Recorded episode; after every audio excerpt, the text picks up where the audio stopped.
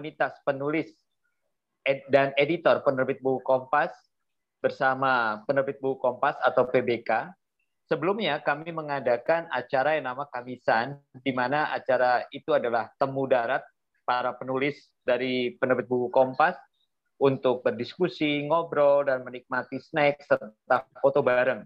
Sejak pandemi, kita mengubah pola uh, pertemuan kita lewat acara ngobrol ini.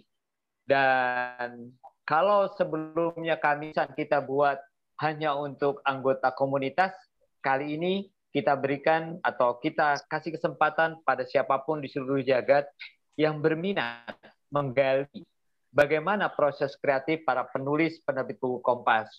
Nah, kalau Anda ingin uh, tadi Mbak Amanda bilang bahwa tidak bosan-bosan mengingatkan, karena kami juga berharap bahwa Anda dapat menulis seperti tokoh-tokoh atau narasumber yang kami angkat dan bisa dapat bergabung dengan komunitas kami. Caranya satu, yaitu Anda menulis di penerbit buku Kompas. Begitu Mbak Amanda? Ya, baik. Terima kasih. Kenapa Mas Bobi bilang di seluruh jagat? itu karena nggak main-main loh. Biasanya itu teman ngobrol itu ada yang dari Hong Kong, bahkan pernah ada yang dari Belgia, yang di sana mungkin masih tengah malam tuh bela-belain untuk uh, join acara kita di sini. Jadi makanya Mas Bobi selalu bilang di seluruh jagat. Mungkin sekarang saatnya kita berikan kesempatan kepada Mas Tra yang uh, apa namanya yang minggu dua minggu lalu saya kerjain habis-habisan sekarang nggak deh kapok takut dikasih uh, SP jadi silakan Mas Tra, ini adalah pendukung setianya teman ngobrol. Ya. Baik, terima kasih Mbak Amanda. Aku padahal tidak merasa dikerjain. Alhamdulillah. Iya, eh, jadi jadi yakin nggak ada nggak akan ada SP karena memang nggak punya nggak punya kertas. Oh, iya. Kertasnya semua sudah dipakai untuk menerbitkan buku. Oh, paperless jadi, sekarang mas ya? SP-nya paperless iya. ya? jadi Terima kasih Mbak Amanda, Mas eh, Bobby, eh, dan terutama Prof. Imbi Pangkahila yang sudah bersedia untuk berbagi dengan teman-teman eh, muda, teman-teman penulis, teman-teman editor, dan saya sedikit menambahkan apa yang dijelaskan oleh Mas Bobby tadi.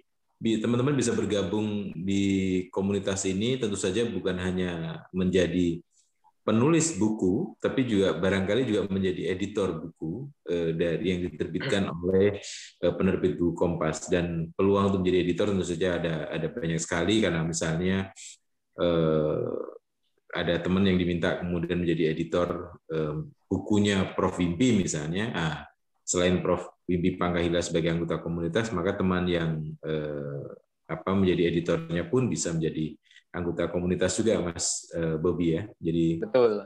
Karena ini komunitas penulis dan eh, editor eh, PBK. Jadi dan ini adalah ide dari teman-teman sendiri yang kemudian apa bersatu dan menghidupkan kegiatan ini. Kayak seperti saya misalnya buku buku yang sendirian mungkin tidak ada belum ada ya di di PBK ya. Eh, tapi buku-buku yang kemudian kompilasi beberapa tulisan-tulisan ada dan beberapa eh, sebagai editor buku ya tentu saja ada tentu saja seperti yang tadi saya cerita pada Mas Bobi, Prof. Mimpi dan Mbak Amanda dan teman-teman yang lain saat ini Kompas juga sedang menyiapkan bekerja sama dengan Lemhanas dan eh, CSIS untuk menerbitkan tiga buku secara bersamaan eh, tentang Indonesia menuju 2045 dan di dalam buku itu, salah satu hal yang menjadi catatan adalah soal kesehatan. Yang hari ini kita akan bicara dengan Prof. Profesor Dr. Wimpi Pangkahila yang uh, bergerak dalam bidang kesehatan uh, dan apa pun keunggulan kita, apa pun kelebihan kita, apa pun potensi kita, apa pun yang dimiliki bangsa ini untuk menjadi bangsa yang maju dan sejahtera tahun 2045 akan sia-sia kalau kemudian ternyata dalam soal kesehatan kita buruk. Dan banyak sekali hal-hal yang bisa ditulis dalam bidang kesehatan tentu saja eh, dari sisi kesehatan jiwa, dari sisi eh, kesehatan apa jantung, kesehatan macam-macam sekali. Tapi yang paling menentukan adalah kesehatan jiwa. Dan kesehatan jiwa itu eh, bisa baik kalau kemudian kita membaca bukunya Prof. Wimpi, salah satu yang diterbitkan oleh Kompas, bagaimana kemudian hidup bahagia eh, dan itu tidak bisa dilepaskan dari eh, relasi pribadi dengan dengan pasangan tentu saja. Dan saya sih yakin banyak sekali pasti cerita yang bisa dituliskan oleh Prof. Wimpi. Saya bayangkan kalau suatu saat eh, Prof.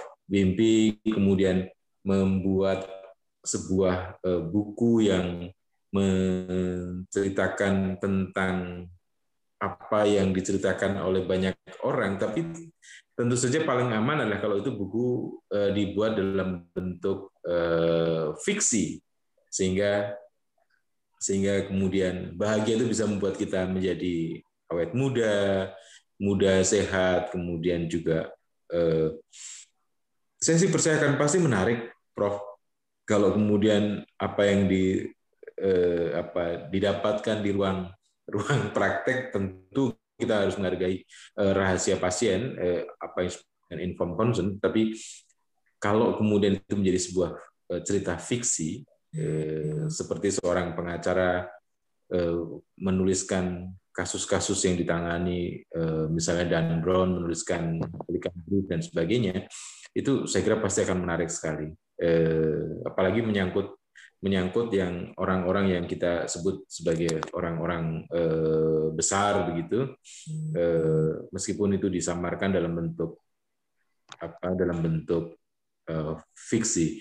Saya tidak ingin berpanjang kata karena ini adalah panggungnya Prof. Wimpi, panggungnya Mbak Amanda dan Mas Bobi dan panggungnya teman-teman semua untuk saling melengkapi, saling menggali dan kemudian Eh, saling mendorong, menumbuhkan semangat untuk menulis karena ada sebuah pepatah eh, Latin yang mengatakan bahwa eh, verba volen scripta manen kata-kata itu gampang menguap sementara kalau ditulis itu akan lebih permanen lebih lebih membekas lebih bisa diwariskan dan sebagainya.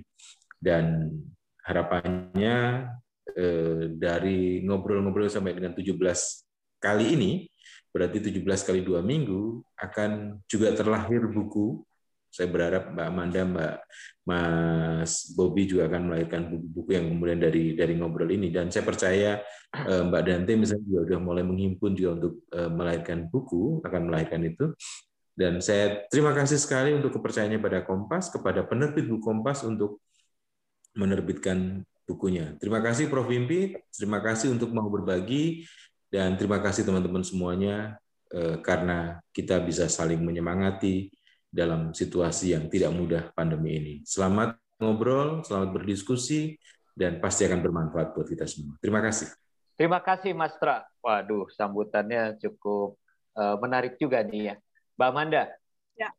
Uh, apa yang disampaikan Mas Tra ini sebenarnya uh, dua dunia yang sudah ada di dalam diri uh, Profesor Wimpi, fiksi dan non fiksi. Nah, uh, tapi satu hal yang menarik adalah juga bagaimana kita berharap dari panggung ngobrol ini bisa uh, muncul buku-buku baru, baik dari perbincangan ini maupun bisa menggugah rekan-rekan sejagat untuk menulis.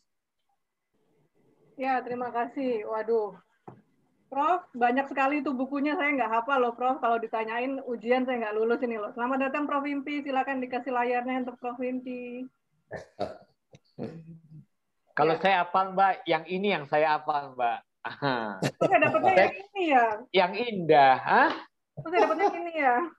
Loh, Mbak Amanda itu kan biar kelihatan tetap muda, begitu tetap berkualitas dan sehat. Kalau saya kan biar yang indah yang indah-indah ini loh Mbak. Terus saya mau yang gitu. itu loh, gimana itu? Atau ini aja lah buat Mbak Mandala yang inilah gitu kan. Buku tulis ya, makasih loh. Oke. Okay. Terima kasih loh Prof. Impi udah berkenan bergabung dengan kita untuk ngobrol yang ke-17 ini. Ketika teman-teman mengusulkan mengangkat tema Prof. Impi, saya udah langsung bilang, wah saya udah punya bukunya tuh dua gitu kan, yang indah dan bahagia gitu loh Mbak Amanda. Iya. Oke. Saya kayaknya masih terbelakang dalam hal ini nih, perlu dapat pencerahan ini.